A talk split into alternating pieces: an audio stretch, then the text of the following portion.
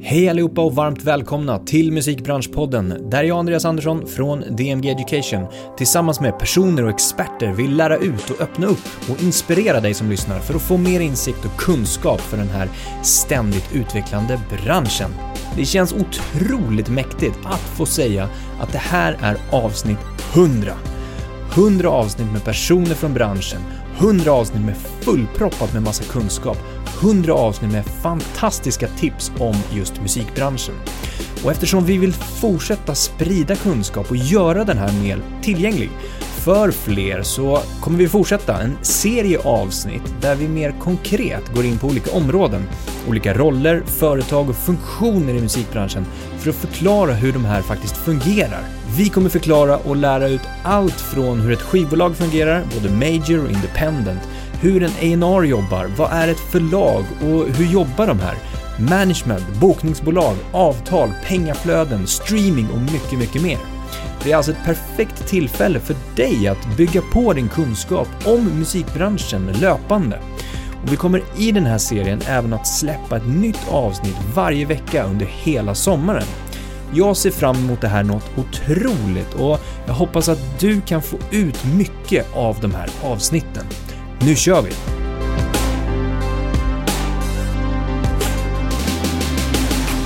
I dagens avsnitt börjar vi med att gå in på den klassiska rollen skivbolag, eller musikbolag som det mer kallas idag faktiskt. Jag träffar Samuel Arvidsson från Universal Music och pratar om hur ett majorbolag fungerar. Eh, och sen så träffar jag också Olivia Hessel från Ten Music Group och pratar om hur ett independentbolag fungerar. Vi inleder med att lyssna på Samuel Arvidsson. Samuel Arvidsson, varmt välkommen till Musikbranschpodden. Ja, men tack så jättemycket. Roligt att få vara här och eh, prata med er. Ja, men jättekul att ha dig tillbaka. Du har ju faktiskt varit med en gång tidigare.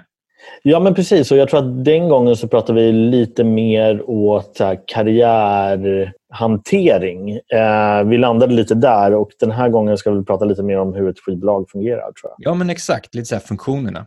Du är ju commercial director, som, som rollen heter på Universal mm. Music. Mm. Uh, men har en annan lång erfarenhet av musikbranschen också. Och andra, andra funktioner, andra roller och andra bolag.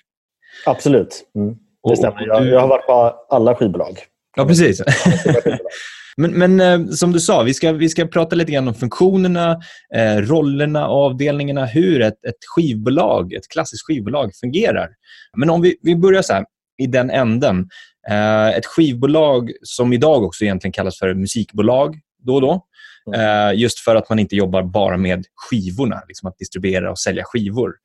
Ja, men Exakt. Det, du har rätt och jag, jag, jag säger skivbolag lite av slentrian. Men det, det är ju ett... Eh, det ska väl mer kallas för musikbolag idag. För ni breddar ju mer och mer liksom, eh, kring vad man erbjuder artisten i fråga. Men det är fortfarande den personen eller den eh, entiteten som står i fokus, eller hur? Artisten.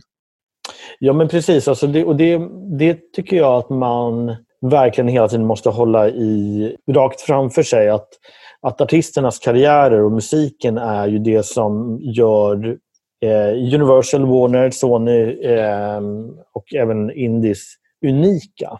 Alltså annars skulle man kunna säga att man var ett spelbolag, eller ett spritbolag eller ett eh, filmbolag eller eh, ett contentbolag. Och, och, och, idag är det väl så att skivbolagen idag man tittar på att expandera väldigt mycket därför att eh, artisterna eh, behöver hitta nya ytor. Eh, vilket gör att vi bygger på oss nya kompetenser och nya arenor där vi väljer att vara aktiva. Men, men i centrum och det som gör oss unika är ju eh, jag skulle säga, artisten som har en, musik, en grund i musiken. Mm. Sen finns det alltid liksom, eh, talanger som, har en, som kommer från influensdelen eller från skådespelardelen. Eller från, alltså det kan komma från olika delar, men, men det som gör oss unika är ju eller det musikaliska konstnärliga uttrycket. Mm, om man ska exakt. vara filosofisk. Ja. Men om vi börjar den änden, liksom att gå tillbaka lite grann. Ett skivbolag traditionellt sett, då, mm. kortfattat. Hur, hur har det fungerat? Varför har det funnits ett skivbolag? Nej, men den stora, den enkla svaret är ju dels att man har haft access till, till kapital. Att kunna, att kunna investera i studios, i utrustning, eh, i en organisation som kan påverka distributionskanalen på ett sånt, sånt sätt eh, att du kan nå ut. Till exempel, om du, kunde göra en, om du kan bygga en studio så kan du få människor som kan sjunga in i den studion. Eh, du kan ersätta dem, eh, och du kan ligga ut med pengar och du kan också ha en organisation som ser till att eh, du når ut i radio, i tv och i skivbutiken. Ehm, och Ska du kunna göra det skalbart men också lönsamt så behöver du kunna ha, måste du kunna liksom repetera det här väldigt mycket. Ehm, och över tid för att kunna bygga en katalog som du kan leva på. Det här förändras ju hela tiden eh, liksom allt eftersom åren går. Och idag så är ju inte distributionen det är inte något unikt. Du, kan ju, du, kan, du behöver inte ett, ett Universal, ett Warner eller ett Sony för det. Mm. Eh, du, du, kan vilja det om du är en viss typ av artist som vill ha en viss typ av team runt om dig eller en viss typ av eh, liksom infrastruktur i det. Men det finns ingenting, det är inte det som är det unika eh, idag. Och eh, också när eh, algoritmer och eh, data mer är en beslutsgrund för hur den moderna skivbutiken väljer att exponera musik så blir inte heller det kanske absolut mest unika. Eh, även om det finns en en del i vårt arbete och en ganska viktig del som handlar om att, att skapa den här fördelen bortom den passiva liksom, eh, dataläsandet. Så är det såklart att, att om man, de två stora faktorerna, det vill säga access till kapital och access till distributionen, de är ju per se borta eftersom du inte behöver så mycket kapital idag för att spela in musik. Exakt, det är tekniken som har förenklat det just för artister och musiker att kunna spela in. Um, men, och, och, Det är väl mycket det som du säger då, det traditionella att det har funnits det, det är access till kapital och, och distributionskanalerna, för det har ju varit svårt att, att kunna gå fysiskt med de här skivorna till varenda skivbutik i, i, i världen. Uh, det har ju liksom inte funnits och de musklerna har ju då majorbolagen eller skivbolagen suttit på. Um, om vi tittar på idag, då, vad, vad är liksom de, de grundpelarna som ni jobbar med idag snarare än för ja, 20-30 år sedan som du nämnde nu? Ja, men då, då, skulle jag säga så här, självklart så är de här delarna kvar. Alltså access till att kunna finansiera musikcentrerade projekt, eller vad man ska säga.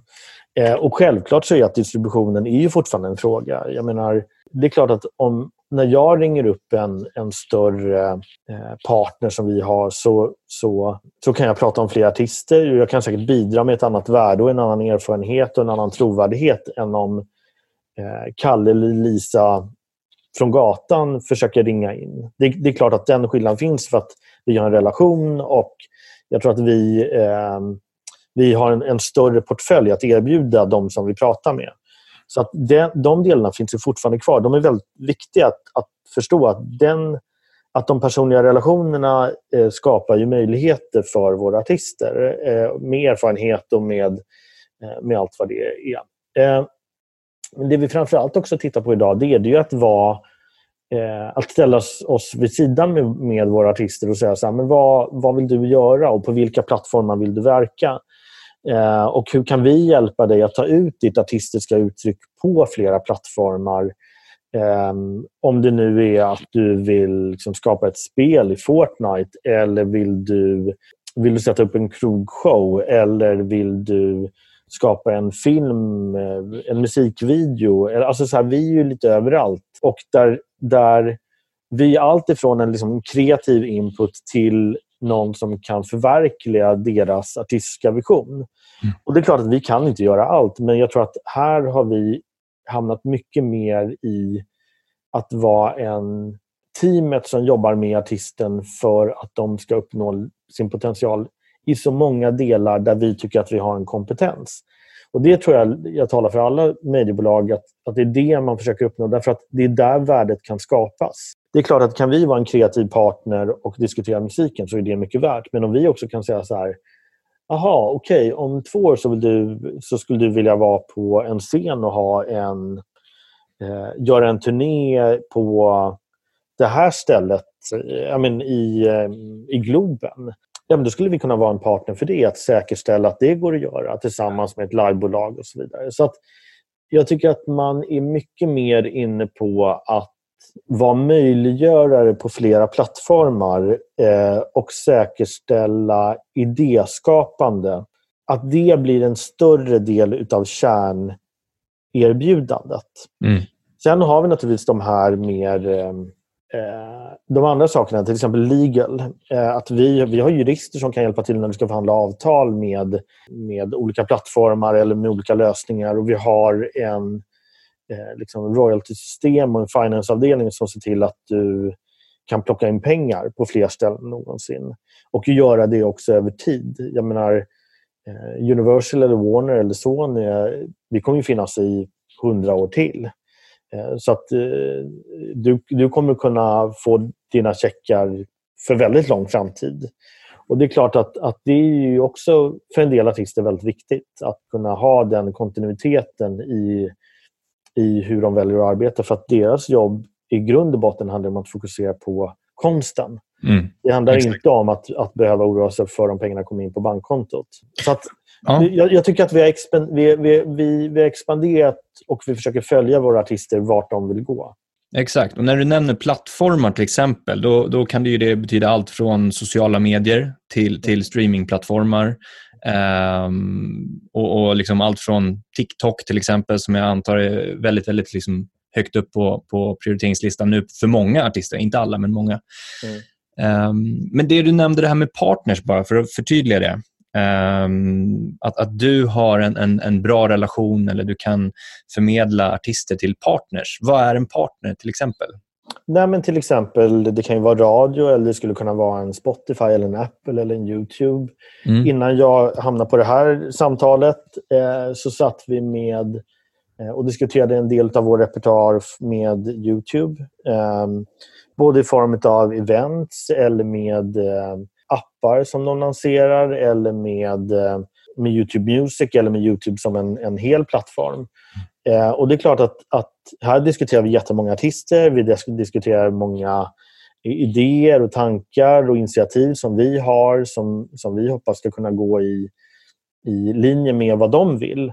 Mm. Eh, och det är klart att, att eh, det här är ju någonting som vi har med alla våra partners. Eh, Eh, och Det kan också vara att vi eh, liksom teamar upp med mm, ett livebolag eller en manusförfattare. Eller en, men där handlar ju alltså, plattformen är ju lite beroende på dels vad man vill åstadkomma men också vad, vad eh, artisten vill, vill vara någonstans. Och En del vill vara på TikTok och en del vill jobba mer live och en del vill, vill mer jobba med liksom, det visuella och ta ut eh, någon slags här, eh, känsla på, på Youtube eller på, på Instagram men de kanske inte själva vill vara så aktiva.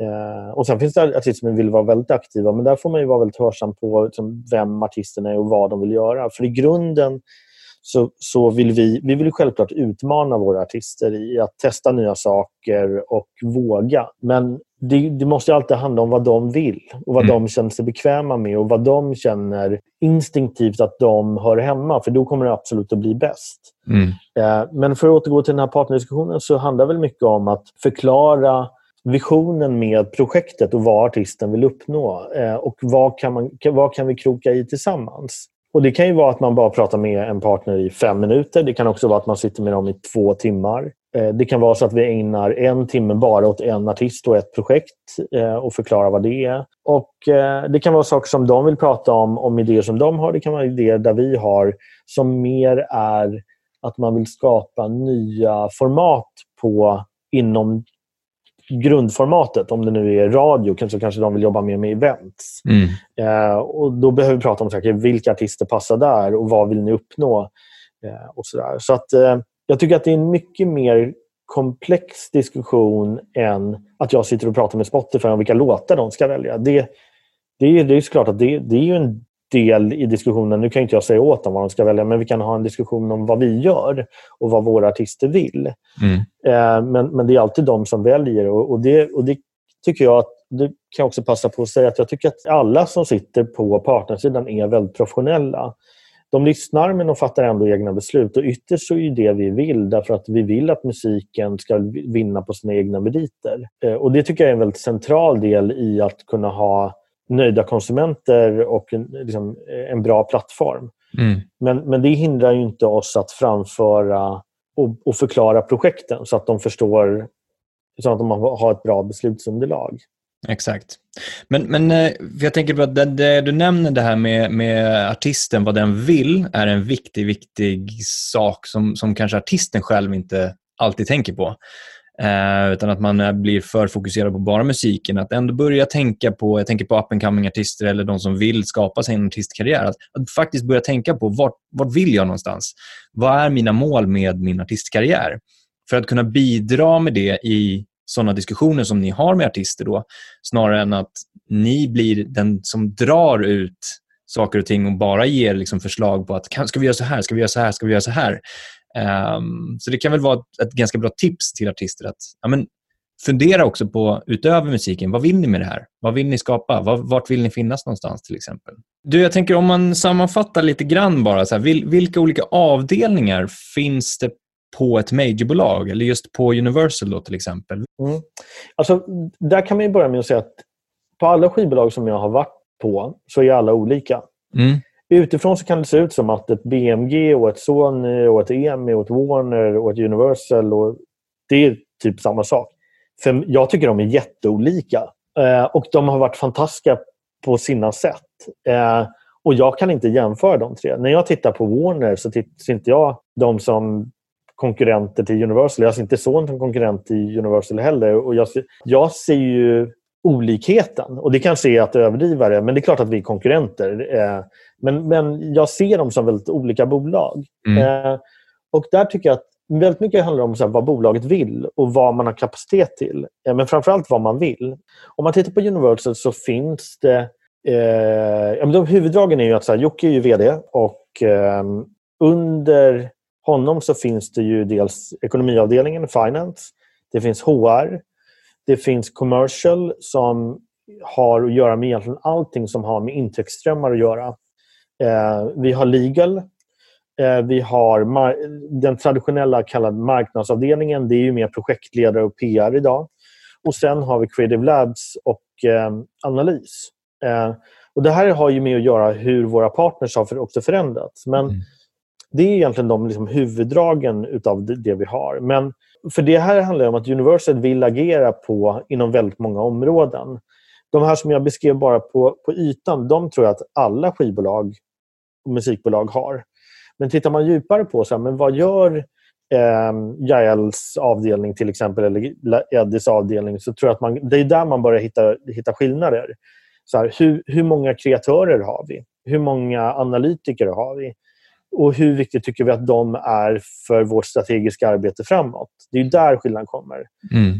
Den viktigaste avdelningen för ett musikbolag är ju alltid A&R som, är, som också är, är någonting som alla musikbolag har.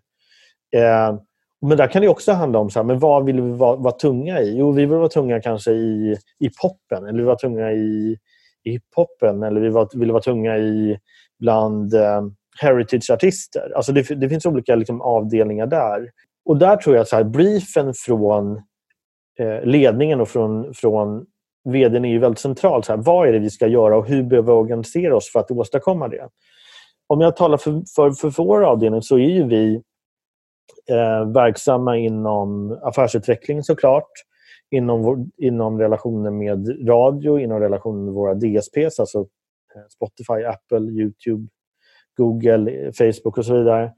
Eh, vi jobbar även med live och turnéer, konceptutveckling inom det. Vi jobbar inom spel, eh, vi jobbar inom varumärken och varumärkessamarbeten eh, och ett par andra grejer. Podcast har vi också under, under i, i mitt team.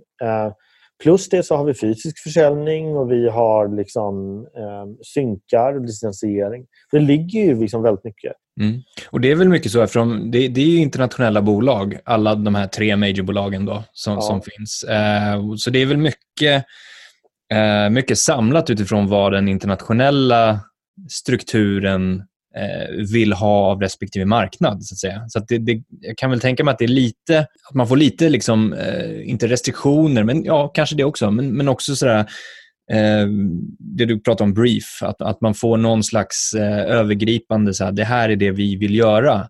som, som ett globalt Precis. bolag och sen så får vi göra det på olika marknader. För olika marknader ser olika ut också. Liksom, den svenska eh, kontra den, den, den, tyska ser väl jätteolika ut, eller den spanska.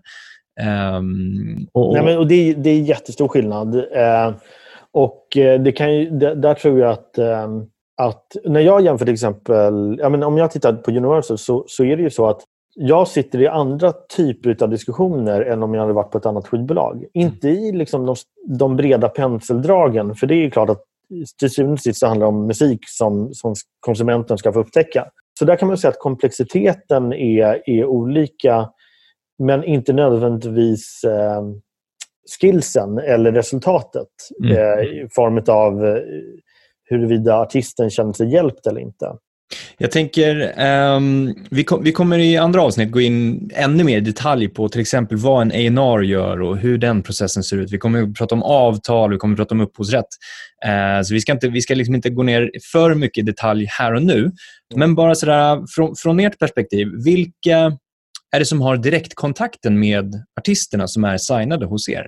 Nej, men, självklart så är det ju eh, A&R som är den centrala. Det är ju den som är det är ju hen som är pipelinen och vet eh, grundidén till varför vi har signat den här artisten. Och har en vision om vart man tror att det här kan gå. Mm. Eh, och Jag skulle också vilja säga, säga är den, den kreativa sparringpartnern med artisten. Eh, så det är ju de som absolut har liksom, den tätaste kontakten och ska ha den. För det är där förtroendet ligger närmast. Så att säga. Men sen är det såklart att beroende på setup så, så eh, så är projektledarna med, PR-folket är med. Eh, mm. och Sen så finns det liksom utifrån dem, liksom utanför dem en periferi med eh, säljteamet, med radioteamet, med synkteamet, med eh, art directors, med copywriters, med designers. Men de som sitter närmast är ju A&R. Jag skulle säga A&R och projektledare är de som sitter närmast. Mm. Men, men det är klart att jag menar, vi har många artister som ringer till vår royaltyavdelning och vill prata om så här, ja, men hur funkar det här och vad betyder det där? Och där är det viktigt att vi är tillgängliga med att prata med våra kunder som är våra artister. Men det beror lite på så här, vad artisterna har intresse av och hur deras setup är. Jag menar, de kanske har en, en manager, eller en business manager eller advokater som sköter vissa delar. Men, men jag tycker att det är viktigt att vi har den relationen med artisterna och att de känner och förstår teamet som jobbar för dem. Mm. Eh, och jag tror att vi, men när vi sitter hela teamet, då ser ju artisterna att så här, men här sitter 10-12 pers och jobbar för mig. Mm. Det är inte bara en person som gör det, utan det är, det är jättemånga människor. Eh, och de har access till alla oss. Jag menar, om en artist skulle ringa till mig nu, då svarar jag. Och det vet jag att alla andra på Universal gör också. Därför att vi vill hjälpa dem och vi vill att de ska känna sig välkomna och eh, få den hjälpen de vill ha.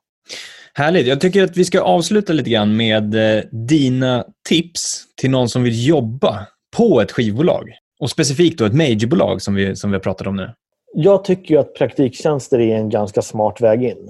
Eh, dels därför att man får känna på varandra. Eh, så här, gillar du att jobba med oss så gillar vi att jobba med dig. Men också att det ger en möjlighet till att visa vad man går för.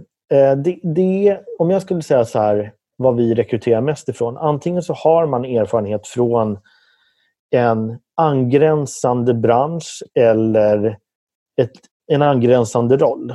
Eller samma roll. Eller så eh, kommer man liksom in via praktiktjänster. Jag skulle säga att det är den huvudsakliga vägen in. Är det däremot mer seniora roller, då kan det vara så att man vill ha någonting helt annat. Okej, okay, vi ska in i Eh, vi ska bli mer aktiva inom eh, varumärken. Ja, men då, kanske jag, då kanske man går till en reklambyrå och försöker hitta en, någon projektledare där. Men i grunden tycker jag, jag tycker att praktiktjänsterna är ganska effektiva och funkar ganska bra för musikbranschen i ett sätt att hitta nya medarbetare.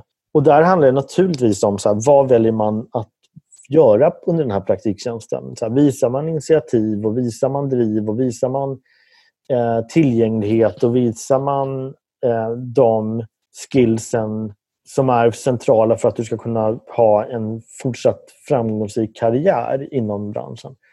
Då finns det alla möjligheter. Men sen finns det också, det måste man verkligen säga så här, det finns väldigt mycket saker som man också inte kan styra över. om ett företag inte vill anställa spelar ingen roll hur duktig du är. Samtidigt som att vill du... Eh, är det så att de precis just nu letar efter en sån som du, då kan det gå jättelätt. Det enda man kan göra i livet är att sätta sig liksom i pole position för att bli vald. Men välja, det är ju ofta någon annan som måste göra. Och Jag tycker att praktiktjänsterna som ni på DMG har och som andra skolor har, jag tycker de är ganska bra väg in. Eh, och är nog kanske det säkraste sättet in. Men det är inte det enda. Det går att söka också. Men jag bara, rent generellt så tycker jag att det är en bra väg in. Härligt. Ja, men sammanfattningsvis, alltså skapa sina bästa möjliga förutsättningar för att eh, vara, som du sa, pole position i, i, sitt eget, eh, i sin egen karriär. Ja, och sen verkligen att, att så här, eh, när du väl är inne, det är då det gäller. Mm. Alltså att komma in, det, det, det är svårt eh, och det är ett nålsöga man ska igenom. Men det är ett ännu mindre nålsöga att bli vald till att bli anställd. Eh, våga göra saker. Mm. Eh, våga, våga komma med initiativ. Våga titta på nya vinklar på hur vi kan lösa saker. Eh, det, är det, det, det, det, är typ det man kan göra. Eh, jag tycker också man kanske kan fundera lite själv. Så här, vad skulle du själv vilja att en anställd under dig, om du var chef, vad de gjorde när de jobbade med dig? Det är ju rent mänskligt. Så här, vad tittar man efter? Man tittar efter initiativförmåga, efter att kunna få saker bort från bordet, att kunna vara, komma med nya idéer, att kunna jobba hårt när det krävs, att kunna jobba i team när det krävs och att kunna jobba själv när det krävs. Det är också en övningsfråga. Det är ingenting man lär sig liksom på ett halvår. Men, men däremot så kanske man kan visa att man har potentialen för för att kunna bli den här nya stjärnan. Mm. För det är det som vi alla letar efter. Härligt. Samuel, stort tack för eh, som alltid väldigt, väldigt trevlig pratstund. Ja, jag, jag hoppas att eh, vi har kunnat kasta lite nytt ljus över vad vi håller på med och vad vi på de större eh, musikbolagen ägnar oss åt och vad vi försöker åstadkomma. Absolut, det har vi rätt ut väldigt bra.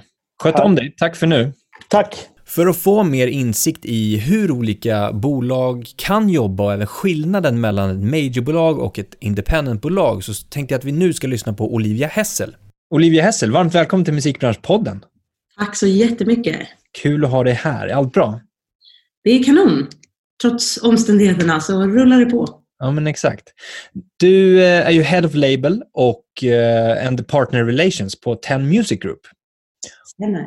Och ni jobbar ju med lite olika bitar. Ni är ett independentbolag eh, och vi ska gå in mer på vad det betyder. Eh, och vi ska prata om, om skivbolagssidan, eller musikbolag som det oftast heter också. Eh, men, men om vi börjar så här. Eh, din titel, Head of Label, vad, vad betyder det? Min roll står för, eller ja, det det betyder är ju basically att jag ska ansvara för de aktiviteter som händer på vår skivbolagssida. Så att i mitt team så finns det x antal olika roller. Så jag har, har hand om den personalen och eh, ja, ska överse, liksom ha övergripande ansvar för de grejerna som vi släpper ut och de artisterna vi signar till skivbolagssidan. Exakt, och det är lite det vi ska prata om, så det passar ju helt perfekt. Kanon. Vi ska prata om eh, mer independent-sidan av ett skivbolag, eller indiebolag som det kallas också. Eh, en del klassar ju det, eller kopplar ihop det med, med musikgenren indie, eh, mm. vilket är lite fel. Independent, alltså mer själv, självstående kan man väl kalla det för, sammanfatta, eller? Ja, men exakt. Det är en väldigt bra översättning. Men, men om vi börjar där då, lite grann. Så här, independent, det finns independent och det finns majorbolag. Eh, majorbolag är ju tre stycken eh, just nu. Det har varit fler vid, en gång i tiden. Eh, vi får väl se om det blir färre, troligtvis inte. Men, men eh, man vet aldrig. Men vad, vad, skulle du säga från din point of view är den största skillnaden mellan ett majorbolag och ett independentbolag som ni är nu? då? Alltså från min synvinkel så skulle jag väl säga att de independentbolagen jag känner till, både här i Sverige och även ute i världen, är ju för det första ganska mycket mindre och liksom egenägt. Majorbolagen har ju oftast en större liksom, bolagskoncern bakom sig som gör att de finns på många ställen i världen, de har flera kontor, oftast kanske andra budgetar för att intäktsströmmar kommer från massa, massa olika marknader, olika länder och olika håll. Medan ja, ett independentbolag som vi då liksom fokuserar, eller finns främst i den svenska marknaden, även om vårt fokus är att få våra artister etablerade även utanför Sverige, så är det liksom här vi är verksamma och här vi har kontor. Eh, så oftast lite mindre, kanske också mer nischade. Alltså som du sa att många kan ibland förknippa indiebolag med att man jobbar med musikgenren indie. Ehm, och så kan det väl vara i, i, i vissa fall också, att independentbolag kan ibland nischa sig lite. Att så här, vi är ett mindre bolag som bara sysslar med den här typen av genre och då kan det vara allt möjligt. Um, men det där skiljer sig lite. Men jag tror största skillnaden är väl att man som sagt är mindre ägt eller liksom inte någon stor koncern eller del av, av ett större bolag som finns på flera platser. Exakt, och, och lite grann det här med det finns ju olika nivåer av independent. Alltså ett independentbolag, ni är ju en, ganska många anställda ändå och ett ganska stort independentbolag i Sverige. Um, och jobbar ju ändå med liksom, stora aktörer runt omkring. Sen kan det ju finnas independentbolag i den bemärkelsen med fåpersonsbolag. Alltså det sitter en person eller två personer eh, och driver ett independentbolag och gör det helt på, på, egen hand så att säga. Exakt. Lite så som TEN startade från början skulle jag vilja säga. Nu har det ju blivit större och större, vilket är super, superkul att vi har fått möjligheten att expandera så mycket. Men ja, om man ser till ett major så är vi betydligt mycket mindre än både i antal signade akter, antal releaser och antal anställda. Så, så att det är ju en, en mindre, mindre variant. Liksom. Vad, om vi börjar där då. Finns det, har ni olika avdelningar för olika, olika saker som ni jobbar med? Det har vi ju. Alltså dels eftersom att vi är ett independentbolag som också vill kalla oss 360, som är ett begrepp som står för liksom the full circle. Där vi har vår förlagssida, vi har studios och eh, en, ett produktionsbolag kan man säga. Eh, och sen då artistsidan som innehåller både skivbolag eller musikbolag, alltså släppa musik eh, och eh, en managementsida. Så det är väl de olika avdelningarna som finns. Sen inom den, den sidan som jag jobbar på, då, skivbolagssidan och management, så finns det ju ännu mindre avdelningar eller avgränsningar eller vad man ska kalla det. Men om vi går in lite grann på det och kanske lite olika roller. Alltså vilka roller behövs det i eh, skivbolagssidan här nu? Vad, vad, för det handlar ju om att, att släppa musik. Att signa artister, släppa musiken Eh, och få ut musiken till lyssnarna. Alltså väldigt, väldigt simpelt förklarat. Vilka roller behövs i den processen så att säga? Jag skulle väl säga att först och främst är ju A&R-rollen extremt betydande just för att det ska finnas musik att släppa. Hos oss, i och med att vi har både förlag och skivbolag, så är våra A&R kanske lite flytande över både förlagssidan och skivbolagssidan. Men eh, det en A&R hos oss gör är ju först och främst scoutar nya akter eller nya artister, håller ögonen öppna efter, efter nytt intressant som vi vill jobba med.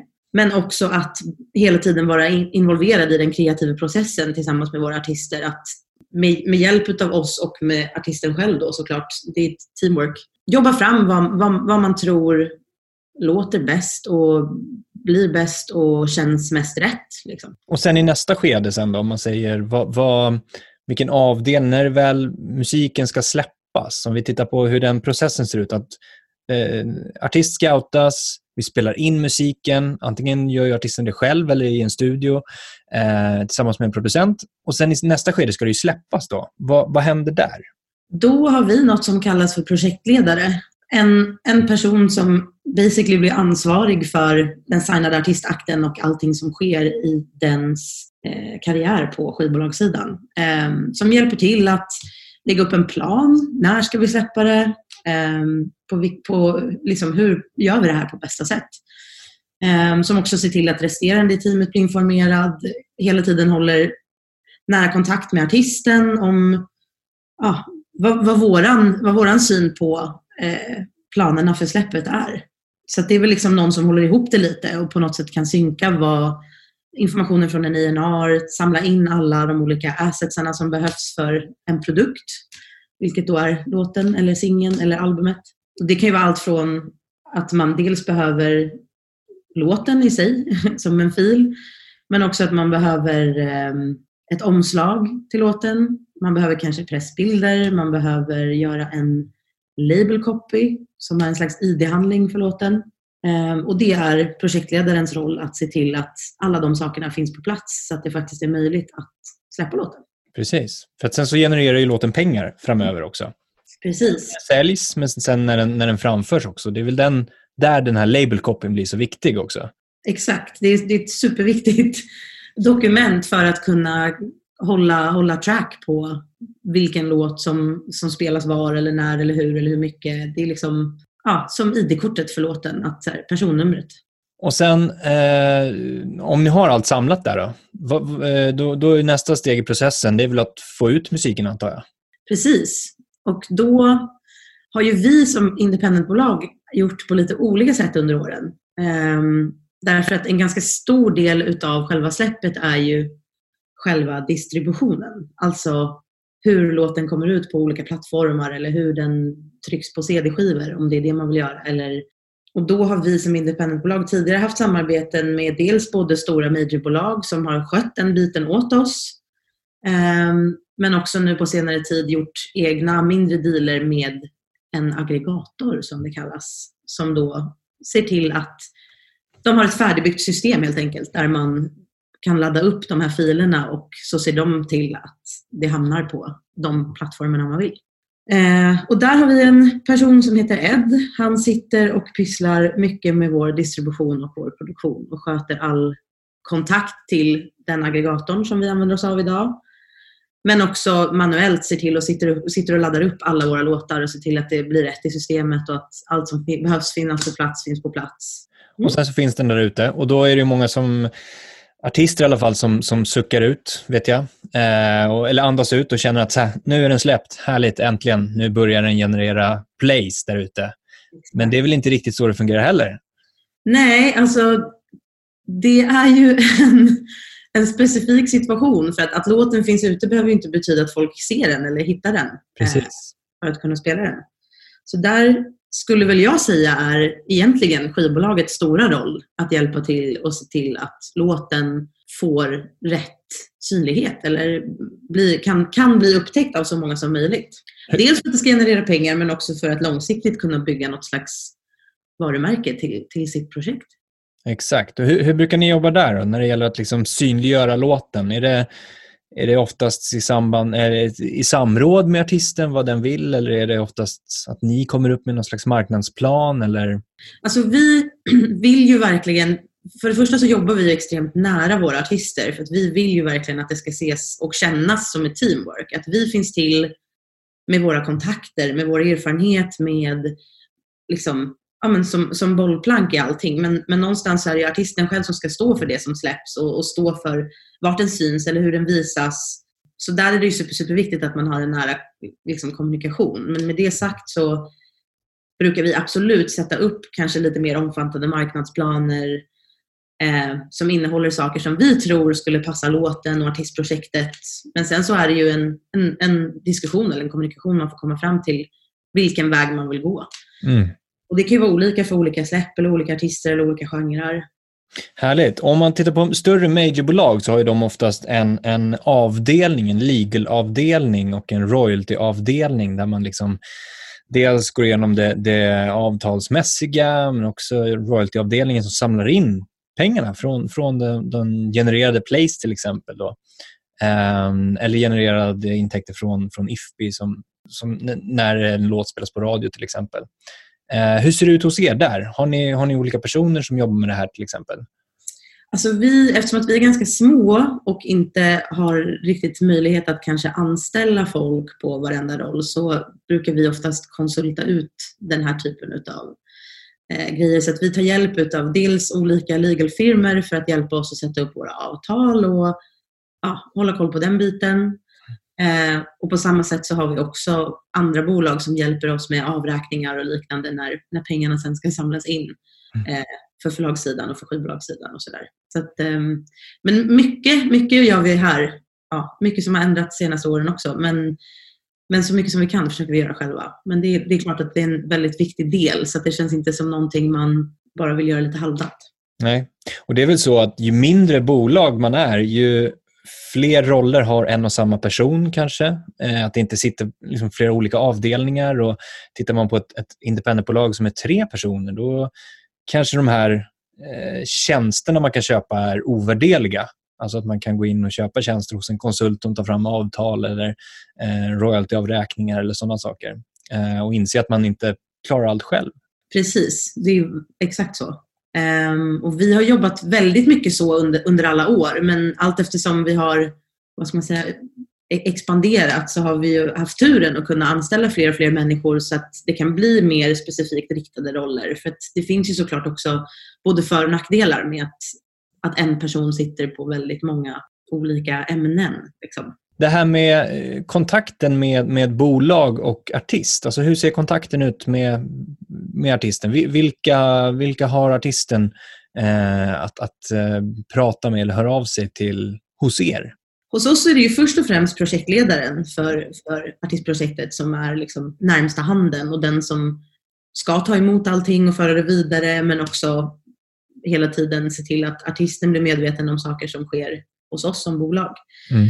Men sen, i och med att vi är ganska små och också jobbar väldigt, väldigt tätt, så är det ju väldigt, väldigt viktigt att, att man inte känner att det måste gå den vägen heller, utan att någon som är A&R för ett projekt hela tiden kan ha kontinuerlig kontakt direkt med artisten är ju också superviktigt. På samma sätt som våra liksom, visuella kreatörer eller de som sitter och jobbar med sociala medier och med eh, eh, vad ska man säga, grafisk formgivning eller som gör våra artworks och hjälper oss med sånt också kan höra av sig direkt till artisten. För vi vill ju att artisterna ska vara involverade i nästan alla, eller ja, verkligen i alla beslut. Och då blir det egentligen bara onödiga vägar om Ludde som sitter och gör ett artwork för Benjamins nästa singel måste ringa till mig och bolla det innan. Eller liksom. För oss så går nästan alla vägar raka vägen till artisten och artisten själv känner nog oftast att den kan höra av sig till vem som helst om vad som helst. Svårigheten där är väl egentligen, eller som vi har jobbat ganska mycket med, är väl att få våra artister att, att, att förstå vem som jobbar med vad så att den, den enkelt kan nå fram till den som frågan rör. Vad, vad, hur, hur brukar ni lösa det då? Alltså jag tänker mig på, kommunicerar ni det ganska tidigt i, i en, en signing med artisten att så här, så här kommer det gå till, så här kommer det gå till på bästa sätt för dig? Ja, alltså ända sedan, sedan jag började jobba här, vilket är typ fem år sedan, så har det ju gått till ungefär så att när våra INR har hittat något nytt som vi ska signa så får vi liksom en heads-up innan att det här händer och så diskuterar man ihop i liksom lite större organisationsmöten om vilken projektledare som kanske passar bäst för just den artisten, vem som har kanske tid just nu eller eh, och sen efter det när, när allting är signat och klart så tar man liksom ett första möte med projektledaren, INR och våra chefer då som är eh, de som sitter i ledningen. Och så går man igenom lite att så här brukar vi jobba, så här ser det ut. De här personerna gör det här och det här.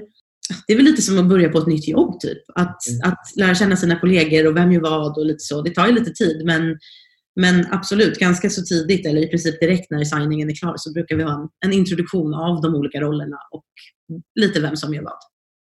Härligt. Jag tycker vi har fått en ganska bra bild av, av liksom verksamheten, eh, strukturen och de rollerna och funktionerna som, som ett independentbolag faktiskt har. Jag tänker vi ska eh, knyta ihop lite grann bara. Eh, mm. Om du får ge tips till någon som vill komma in och jobba på ett skivbolag och på ett independentbolag specifikt. Alltså gud, jag, jag säger som jag alltid säger, att så här, var nyfiken och typ kolla runt, läs grejer, anmäl dig till musikindustrins utskick, eh, ta kurser, håll, håll dig uppdaterad om vad som händer och hur det ser ut. Och ganska mycket grejer kan man liksom ta reda på själv över hur branschen i sig ser ut och vad det finns för typer av bolag eller roller.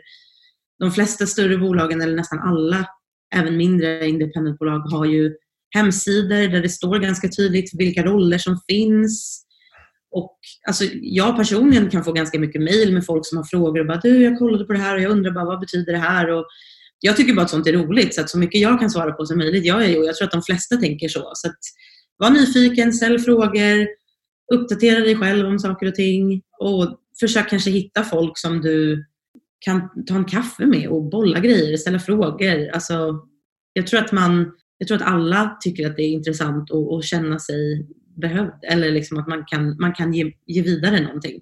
Mm. Jag hade tur som själv hittade liksom, mentorer eller vad man ska säga tidigt. Eh, och det gjorde, hjälpte mig jättemycket. Härligt. Bra tips tycker jag. Stort tack Olivia för ja, men, trevligt snack. Tack själv Andreas. Tack så mycket för att du har lyssnat. Nästa avsnitt släpps redan om en vecka och kommer handla om musikförlag och deras roll i musikbranschen. Ta hand om er där ute så ses vi nästa vecka.